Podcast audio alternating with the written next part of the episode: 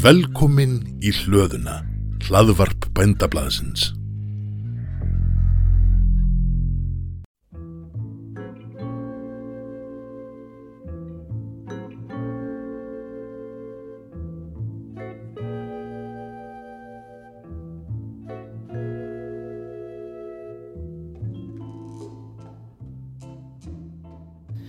Þetta er þátturinn afstafa. Ég heiti Guðrún Hulda. Í þessari þáttaröð ræði ég við fulltrú allra flokka sem er í frambóðu til alþingiskosninga sem fara fram þann 25. september næ- næstkomandi. Við leitust við að ná fram afstöðu flokkana til landbúnaðarmálefna en lagðar eru sömu spurningar fyrir alla flokka. Hér hjá mig núna er fulltrúi Sósialistaflokksins. Já, góðan dag. Guðmundur Auðinsson heiti ég og er oddviti sósélista í Suðurkjördami. Og hver eru tengslinn við landbúnað? Ég er nú fættur og uppalinn í Reykjavík, eða, eða ég var nú uppalinn fyrst á Altanesi, þá var randbúnaða svæði þar. Ég mann þegar ég var smákrakki að þá fór ég að labbaði alltaf yfir til e, afabróðum minn sem var bóndi þar. Svo flutti ég nú til Reykjavíkur og var gekk í gegnum skóla þar en fór síðan í sveit á, ætting, á ættarslóðum móður minnar eða móður ömmu minnar í Mýrdalnum. Þannig að það eru svona helstu tengsl mín við sveit. Frábært. Um, þá bara vindi ég mig spurninganar. Um, markmið bænda og ríkis virðast vera skýr að standa vörð um afkomu bænda og tryggja sem hafkamast verð fyrir neytendur. Er þið sammála þessum markmiðum og hvernig sér þið fyrir þér að unni sig að þeim og ná meiri árangriði en verið hefur? Jú, jú, að sjálfsögðu erum við sammála þeim, þessum, þessum markmiðum vegna þess að við lítum á það að það sé mjög mikilvægt að vera með matvælaframlislu, upplöga matvælaframlislu í landinu.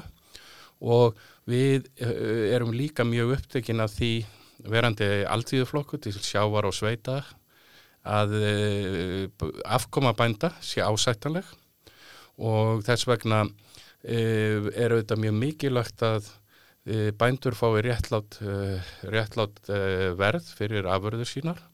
En svo það líka að líta á þetta frá nei, sjóna með neytendana við getum ekki ætlast til þess að neytendur borgi of mikið, sérstaklega láluna fólk þannig að reyna að finna þennan balans þarna á milli er auðvitað er auðvitað gull, gullna hlið, gullni meðalvegur sem að e, bera stefna að. Og hvernig sjáu þið fyrir ykkur að unni sig að því? Sko, það eru, við leggjum áherslu á að ebla smábændur og jafnvel samvinna millir þeirra. Við teljum að milliliður í kerfinu sé að taka of mikið. E, afur að vera til bænda er ekki það hátt. Að margi bændur eru í erfileikum með að vinna mikið fyrir litlar tekjur. Þannig að en aftur á móti eru milliliðirnir hafa stækkað og stækkað og eru að taka ansi mikið af þessari köku. Þannig að við teljum að það sé hægt að hrista upp í þessu millilega kerfi og uh, opna fyrir möguleika til dæmis bænda að selja beint frá búi. Uh, við teljum að það, það er aðeins byrjað á þessu en það þarf að, það þarf að auka það stórlega. Uh, það er vel hægt að hugsa sér lítil sláturhús eða bara slátur á það bæjum. Við erum auðvitað í Evróska efnaðisvæðinu en það er mjög auðvelt að það eru reglur sem að leifa mannum að vera með beint frá búi, svo kalla. Þannig að það myndi ekkit stangast á við það og það er líka vel hægt að hugsa sér fyrir, fyrir til dæmis mataframlegslu innan hérna til veitingahúsa og tengjast þannig ferðamanna innan vegna þess að mikið af ferðamannum er að sækjast einmitt eftir. Margir ferðamenn eru líka það sem maður getur kallað náttúruvænir ferðamenn. Þá sækjast er eftir það að, að borða mat sem er, sem er staðbundin á hverjum svagiði og með þessu þannig eru auðvitað gífurlegi möguleikar fyrir bændur með því að tengjast meint vil við um, ferðamannaþjónustuna. En það þarf við að hafa regluverk sem að, sem að tekur á þessu og við teljum að það sé vel mögulegt að, að gera það. Svo erum við með auðvitað aðrar stefnur eins og það að já, við viljum eppila uh, uh, garðirkjurækt. Við teljum að það sé bara tímaspörsmál hvenar einhver af þessum stóru stóriðjum muni loka, þá munum við hafa gífulegt magna af orku.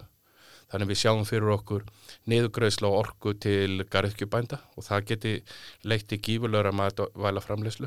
Þetta er svona tæpa á því helsta sem við höfum verið að uh, leggja fram. Mm -hmm. um, og hvaða leiðir sér þú til að bæta afkomibænda? Sko það tengist þessu líka. Sko við, við hefum verið að skoða svolítið hvernig bændur hafa gert þetta í fortíðinni.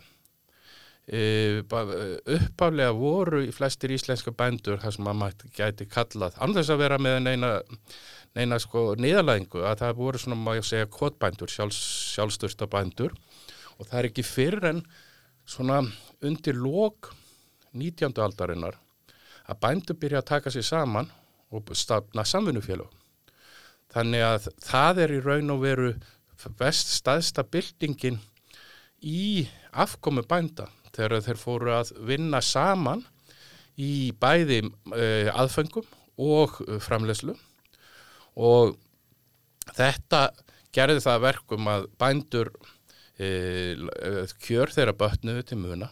Þeir, þeir réðu mörguleiti sölukerfinu og, og innkaupakerfinu.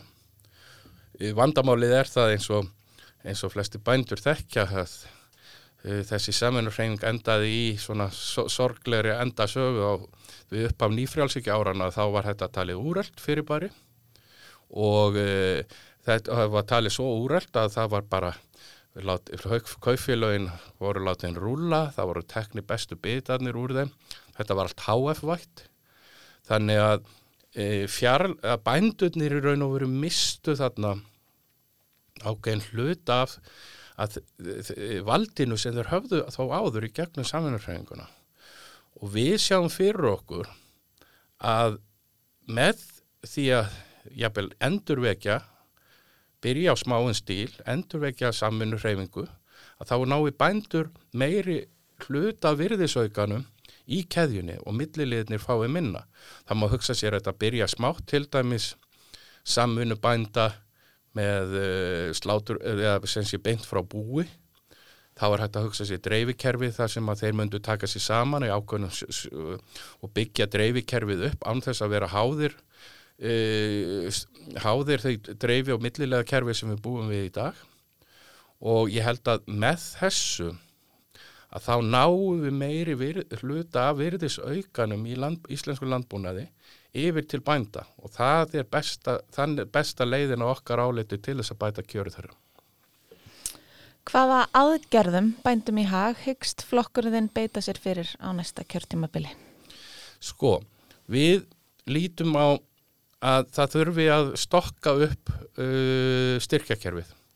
Við erum, uh, það eru uh, landbúnaðar, eða staðalandbúnaðarinn er ákveðnilegt að breytast. Við erum að færast frá því að vera reynd reynir svona kjötframlegendur sem vorum upphæflega, grænmyndisræktun í gegnum bæði með hækkandi hittast í þá er sjá, möguleikar fyrir e, svona nýjungum eins og kortarækt eða rú, rú, rúmjálsarækt og svo framvegs sem myndi minga innflutning á til sérstaklega dýrafóðri.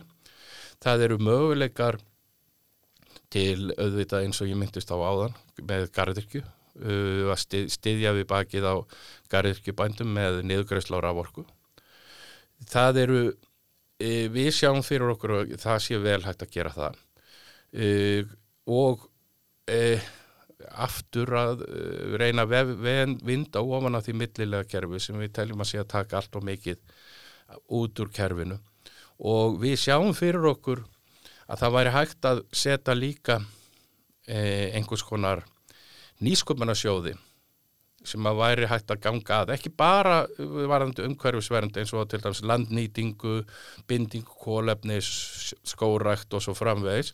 Við erum byrjuð á því aðeins en við sjáum það fyrir okkur aukast mikið en það líka sjáum við fyrir okkur að það væri möguleik að setja upp einhvers konar nýsköpunarsjóð, landsbyðan nýsköpunarsjóð þar sem að við bændum verði veitt aðgangur að ódýru fjármagni til þess að koma fram með nýjungar sem að, og við teljum það að bændur séu við uh, hafi sínt það og muni sína það að þeir ný, ge, geta brey aðlaðast nýjum tíma eins og við sjáum í dag mar, mjög uh, góður hluti bænda núna er í ferðamannaþjónustu, samhliða bænd, uh, svona klassískum uh, landbúnaði og þetta hefur svona sjálfsbrotti en ég var til dæmis að tala við ferðaþjónustu bænd, bónda á Suðurlandi sem saði mér að eitt af vandamálanu var það að aðgengi að landsvíja ef þú vilt byggja upp uh, uh, til dæmis aðstöð fyrir ferðamenn að þá er, jú, það er ákveðin uh, aðgangur í bankakerfið. En uh, uh, þeir eru að borga munhæri vexti heldur en uh, stóri raðilar sem eru að taka lán það er bankarnir uh, veita uh, litlum aðilum mjöglu minni fyrir greiðslu og það er hluti af vandamálinu í fjármálakerfinu okkar í dag. Og þess vegna sjáum við fyrir okkur að, vera með einhvers konar stöðningssjóð, lánasjóð á vegur ríkisins þar sem, man, þar sem að er þið bara ákveðnum kröf, ef að mann fyl, fyl, fylgdu ákveðnum kröfum um nýjungar, um þá stefnu sem við viljum gera, þá fengiður aðganga ódýrulánsfjármagni og það held ég að gæti leitt til þess að, að virkja nýjungagirnina í landsbyðinu og virkja þróttmanna til þess að reyna nýja, möguleg, nýja hluti. Byggðastofnun her, er, var auðvitað mjög öflugt batteri og við erum ákveðinleiti að líta til þess. Vandamáli í, það, í dag er það að, að áherslan hefur verið frá veitingu fjármaks í gegnum fyrirbæri eins og byggðasjóð og uh, yfir í bankakerfið. Þar að segja, það hefur minna og minna fjármakt sem hefur veitt inn í, inn í gegnum þetta klassiska byggðasjóðkerfi.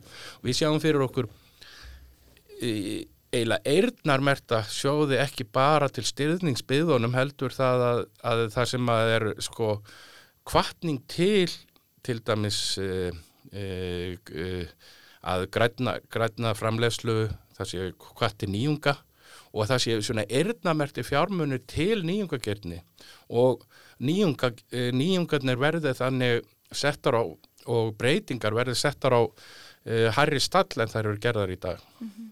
En hvað með svona sjóði eins og matvalasjóður og lóan er þeir ekki einmitt erðnamertir slíku, slíka verkefnum? Jú, jú, en er, þetta er allt í mýflugu mynd og það er það sem við teljum þetta sé.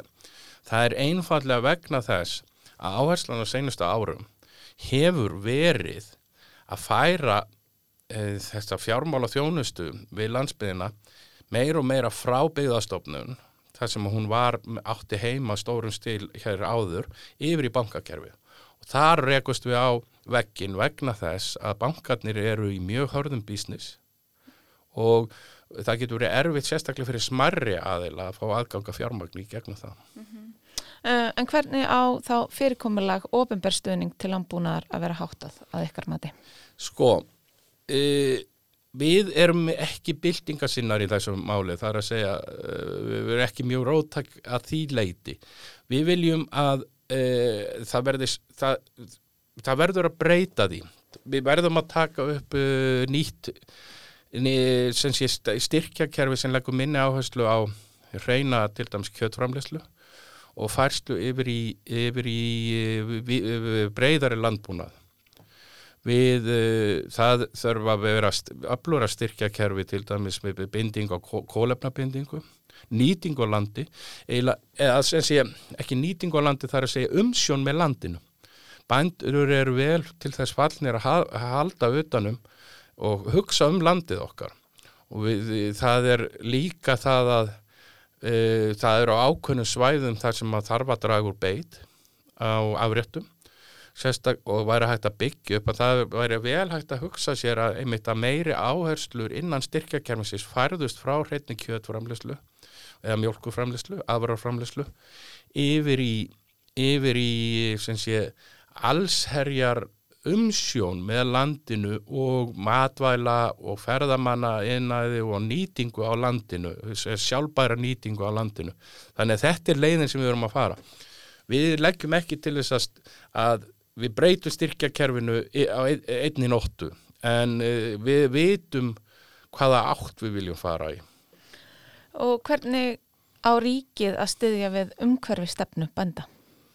Sko, þannig erum við að koma að gífulega miklu, mjög mikilvægu máli.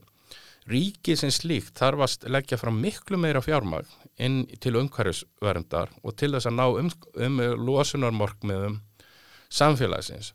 Og við sjáum fyrir okkur að, stór, að góður hluti af þessum fjárfæstingu ríkisins í grænni framtíð og mingun, stórlegri mingun á kólefna, uh, kólefna útblæstri að það sé að vegna þess að við erum með mjög stórt kólefnaspor í, uh, í landnýtingu og við sjáum okkur fyrir okkur einmitt að með þessu nýja fjármagni sem verður að koma inn í, í, í græna, græna, græna fjármagni að við sjáum fyrir okkur að bændur getur orðið mjög góðir aðeila til þess að veita þessu fjármagni í e, bindingu á kólefnum e, og, og e, minga, e, minga kólefnarspor landbúnaðarins. Hver er stefna flokksins skakvart tollvernd á landbúnaðarafurðir? E, við, sko vandamál, vandamál innflutnings á landbúnaðvörum er það að við erum að niðurgreiða, við erum að innflytja inn stórlega niðurgreita vöru, til dæmis frá Európusambandinu, að það eru mjög miklu styrki til landbúnaðar. Þannig að það er mjög erfitt fyrir íslenska landbúnaðar að keppa við það. Þannig við verðum að hafa einhvers konar einhvers konar eh, vernd, tollavernd, til þess að landbúnaða leggist ekki af á landinu. En hins vegar eru þetta mjög mikilvægt, sérstaklega fyrir lálöna fólk að hafa aðganga ódýru mat. Og e, við teljum þess vegna að, að e, það sé mjög mikilvægt að reyna að ná kostnaði á matvæljum neður. Og, e, en vandamáli með til dæmis matvæla flutt, eða fluttning á matvælum á milli landsvæða taka sinn dæmi nautakjött frá Argentínu og kindakjött frá Nýjasjálandi þetta eru svakalegar vegalengdir og við teljum að eins og kerfið er í dag að þá sé ekki til, tekið tillit til kólefnaspórs þess og uh, uh, raun og veru sóuninni sem fælst í því að flytja matvæli svo langt á milli svæða. Þess vegna held ég að það verði að vera einhvers konar tollavernd og mætti ég auknumæli uh, líta á hana sem einhvers konar, uh, einhvers konar græn, græn að, uh, aðflutningsskjöld sem að hindra það að, að það sem taka tillit í kólefnaspórsins í miklu meira mæli heldur en að gert í dag. Já, nú vilt, vilt hafa meira svona mengunargjald frekar en fekana tollavenn. Nákvæmlega mm. og við, við verðum að koma okkur upp úr þessu sko að það sé að sko tollamúrar séu að reyna að vernda bændur fyrir vegna þess að þeir séu svo hérna, óhagkvæman rekstur að það séu verið að vernda þá fyrir hagkvæmur rekstri uh, erlendis frá. Það verður að taka þennan tillit til þessar kólefnaspórs sem að fylgi framlegslunni og stund oft er til dæmis getur verið mjög svona ef við verðum að tala um innaða framlegslu eh, þá er, þá er ekki bara kólefnaspór sem spilar inn í þá eru það til dæmis stýravernd og svo framvegist þannig að það verður að líta á þetta miklum frekar sem að við viljum að við viljum færa okkur frá því að vera með eh, sko alveg stanslösa skipaflutning á milli heimsálfa sem með því kólefnaspori sem að það, því fylgir og í reyna að gera meira uh, uh, lokal það er að segja innan þeirra svæða sem að fólk til dæmis reyna að hámarka matvalaframleyslu innan þess svæði þar sem að fólk býr mm -hmm.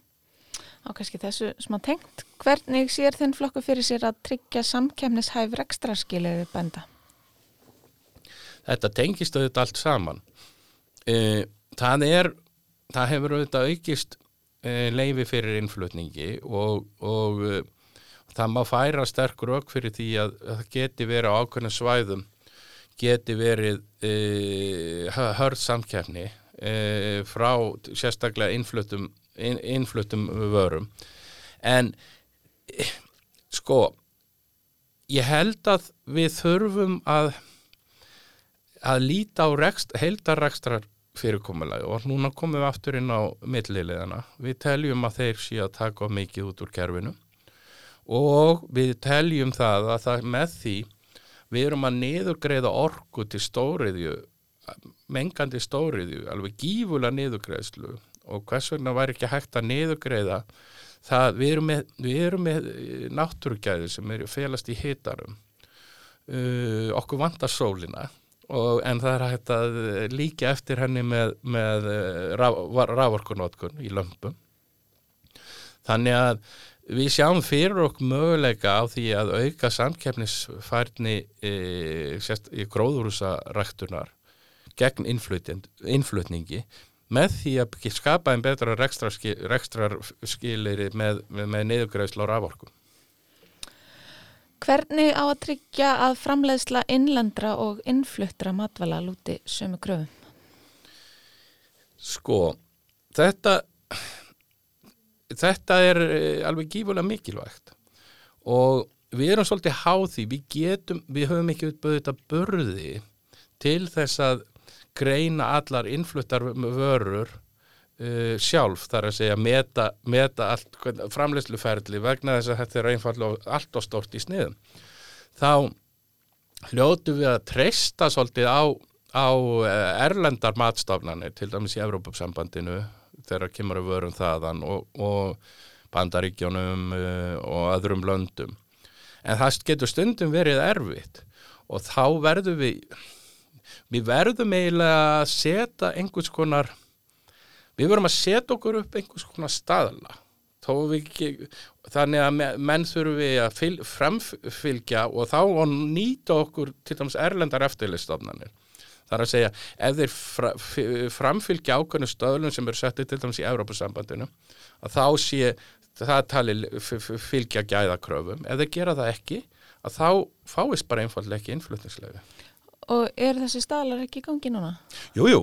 en, en vandamálið er það að, að uh, sko, uh, ef, það eru mismunandi staðlar í gangi og það getur verið erfiðar að treysta, ef maður bara á hreinskilinu, treysta staðlum frá sömu svæðum heldur en öðrum.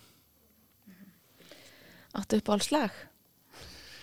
Já, þetta uh, koma óvandarspurningar. Ég, ég myndi segja það að uppáhaldslægi mitt var lag sem að ég er nú eiginlega á punkkynnslóðinni og, og en svona var hrifnar af punkrockinu heldur en, en punkinu. Og svo ég er róðilega hrifin að lag með hljómsveit sem heitir Clash og sem heitir London Calling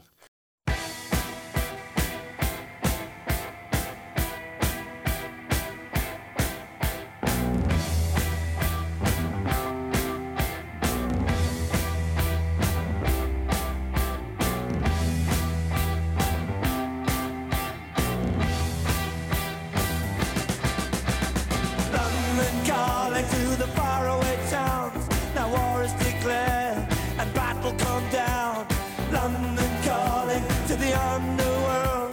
Come out of the cupboard, you boys and girls. London calling, now don't look to us. Phony Beatlemania has bitten the dust. London calling, see we ain't got no swing except for the rain and the crunch of thing. The ice is coming, the sun's zooming in. Meltdown expected, the wheat is good.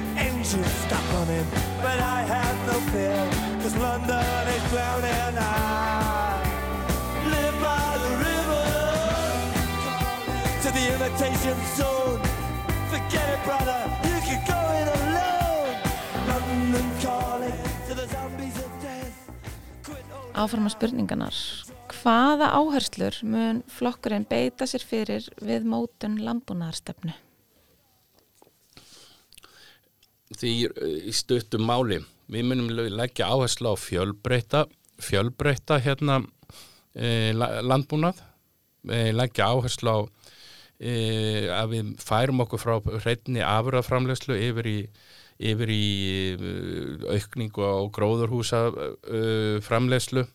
Við viljum skrúa ofan að millilegðu og við viljum, við viljum búa sem sé að við færum okkur uh, inn í það sem við viljum segja landbúnað 21. aldarana.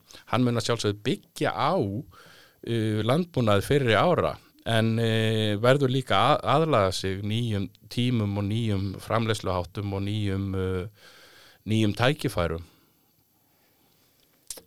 Hvernig vil þinn flokkur tryggja búsetu á landsbyðinni og telur þú að afkoma í landbúnaði hafi áhrif á búsetu? Vissulega, vissulega.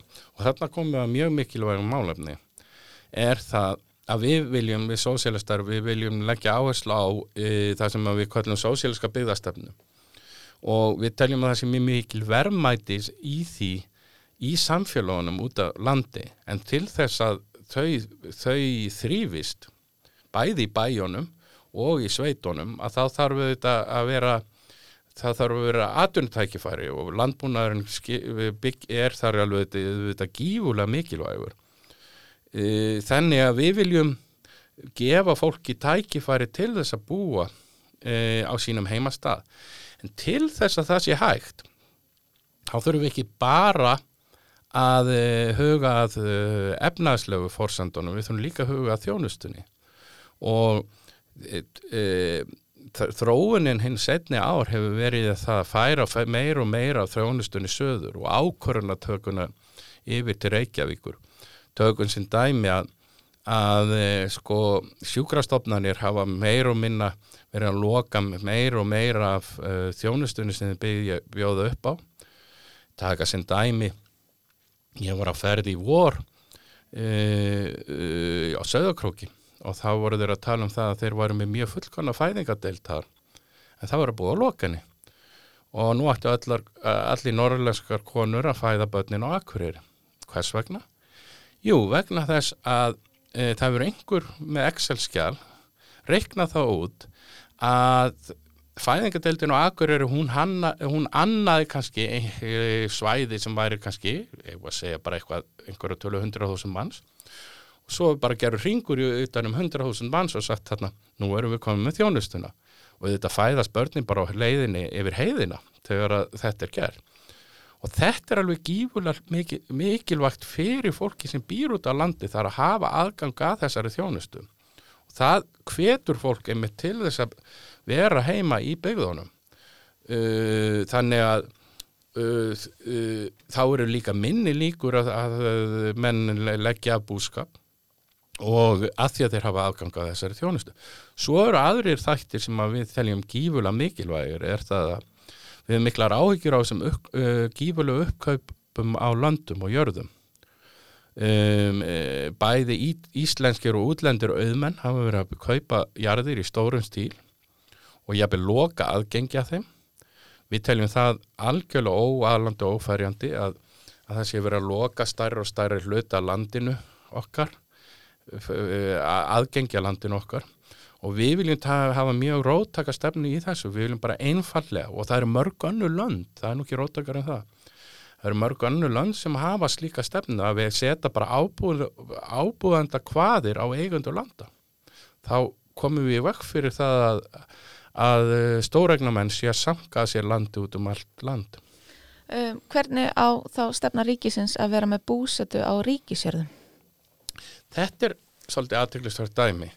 E, ég var að tala við ég, bonda sem var á ríkisjörð og hætti búskap og hann flutti, flutti inn í e, bæ og hann var að, lag, sagði það, hann væri með þarna, e, hann væri með þetta allt til alls á ríkisjörðinu og vildi fá að e, selja til dæmis nýjum bónda sem taki við jörðinni selja honum e, fjárstofnin og, og e, tækja búnað og svo framvegs og það fekk ég engin viðbröð frá, frá ríkist, umsjónamannum ríkisjarðana þannig að það verist að vera engin áhugi þar að halda þessum jörðum í, í ný, nýtingum.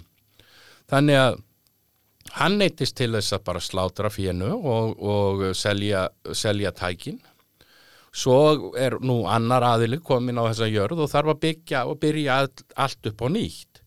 Það þarf að setja upp einhvers konar kerfi sem gefur e, þeim þegar ábúendur á ríkisjörðum eru að e, hætta búskap að þeir geti e, sem sé fært tæki sín, eða selt tæki sín og, og skeppnur til nýra aðila og þurfi ekki að skera niður og hætta þessu alveg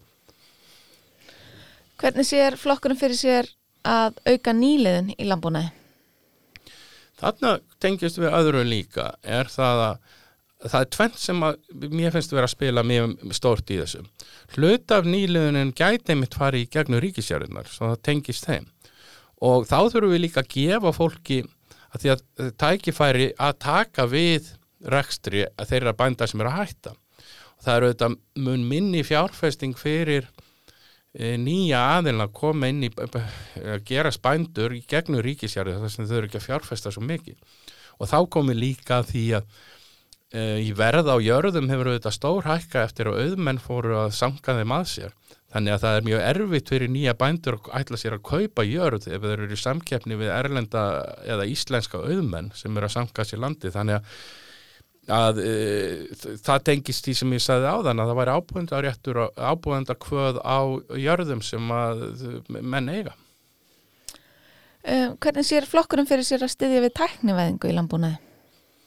Þetta er þetta, gífulega mikilvægt og það er tvenn sem ég myndi vilja segja í þessu sambandi.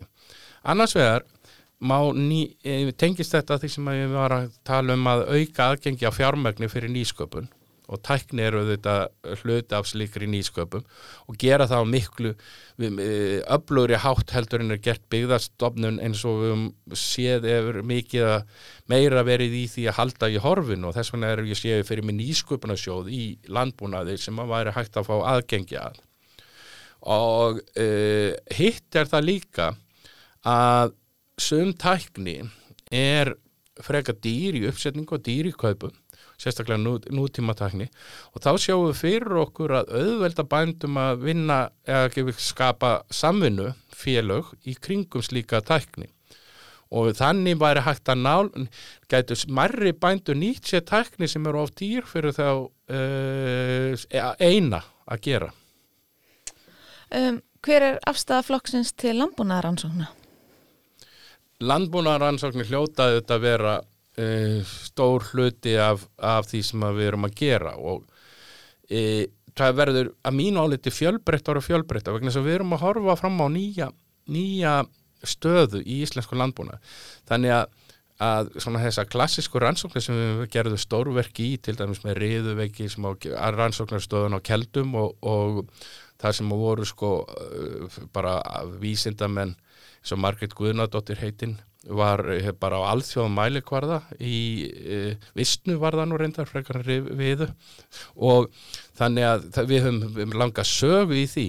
En, en e, rannsóknirnar í framtíðin hljóta verða miklu viðtakari og þannig að við sjáum fyrir okkur í samvinnu við háskóla bæði sko að ekki bara landbúna háskóla heldur líka háskóla eins og háskóla Íslands. Þar sem að e, við lít, hættum að líta á rannsóknina bara svona þröngt fyrir landbúna, hann heldur líka vikum að út í rannsóknir á, á umhverjusvernd uh, kólefnabindingu og svo framvegst og svo framvegst, þannig að við að þetta verði miklu víðar og breyðar í rannsóknir en þar uh, svona hafa týðkast hinga til Hvernig á að tryggja fæðuöryggi í landinu? E, Þess, við viljum auðvitað framlega eins mikið og við getum hérna, við getum auðvitað ekki framlegt alla matvöru. En e, líkillin er að skapa e, land, e, bændum og matvala framleðendum e, trygga starfs e, starfssemi það er að segja og við sjáum fyrir okkur það er hægt, verður hægt að rækta meira framlega meiri matvöru hér sérstaklega með því að að niðugreða raforku til eh, auka, auka eh, hérna, gróðurhúsarakt. Þannig að það myndi auka matvæla örgi og það að, að vera með e, áframhaldandi stuðning vegna þess að það, ég held að það sé í samfélaginu í hag að vera með eins mikla matvæla framlýslu og við getum í landinu. En það þýður auðvitað ekki það að við eigum bara að eh, framleiða allt hérna. Sumt er einfallega ekki, ekki hafkvæmt að gera og þá verðum við bara að flytja það inn. En eh, við, við eigum að reyna eins mikið og við getum að halda sem uh, fjölbreytast í flóru matvararformislu í landinu. Herðu, ég er búið með spurningarnar en ég er með eina sem ég aðeins verið að vinna með sem er það óundubúin mm -hmm. um, Sko Nú kostaði það 55 miljardar að framleiða þessi 210.000 tonn af búverum með að við síðast ár. Þar aflagði ríkið til 13 miljardar króna í beinanstöðning. Ef bændum er falið að setja eitthvað hlutvall af þeim styrkjum sem þið fá í dag til að ná árangri umhverfismálum, hvernig sér þið fyrir þér að þessi kostnaður verði stekkaður? Ég held að fjölskyldurnar uh, á heimilinu í landinu þeir ráð ekki við herra veru verð. Ég held að uh, alla slíkar umhverfiskröfur hljóti að koma í formi styrkjar frá ríkinu og verði hluti af grænum pakka sem að samfélaginu verður bóðið upp á og ekki bara þegar það kemur að matvalaframleyslu eða landbúnaði heldur bara almennt að vera mjög, við tökum upplugt grænt spór og það kostar pening en það mun borga sig til lengri tíma þannig að ég, sé, ég vil alls ekki og þetta er mjög mikilvægt fyrir okkur sósélista við viljum ekki að lálauna fólkið borgi fyrir e, mengun sem að e, kapitalska kerfi er búin að búa til seinustu árhundruðir og það er ósangjan að e, ætlast til að fátaki neytendur taki á sig hækkandi mörverð vegna þess að þessi að gera umhverfiskröfu fyrir það. Það verður að nota einhvers konar, e, einhvers konar hérna, e, jöfnun í gegnum ríkiskerfið þar sem að stórum einhvernar aðilarnir séu skatlaðir en neytendunir siti ekki uppi með skattana. Ég þakka Guðmundi fyrir að setja sniðið með mér. Svör annara frambjóðanda er hægt að nálgast hér á hluðinni undir þáttaheitinu Afstafa X21. Takk fyrir.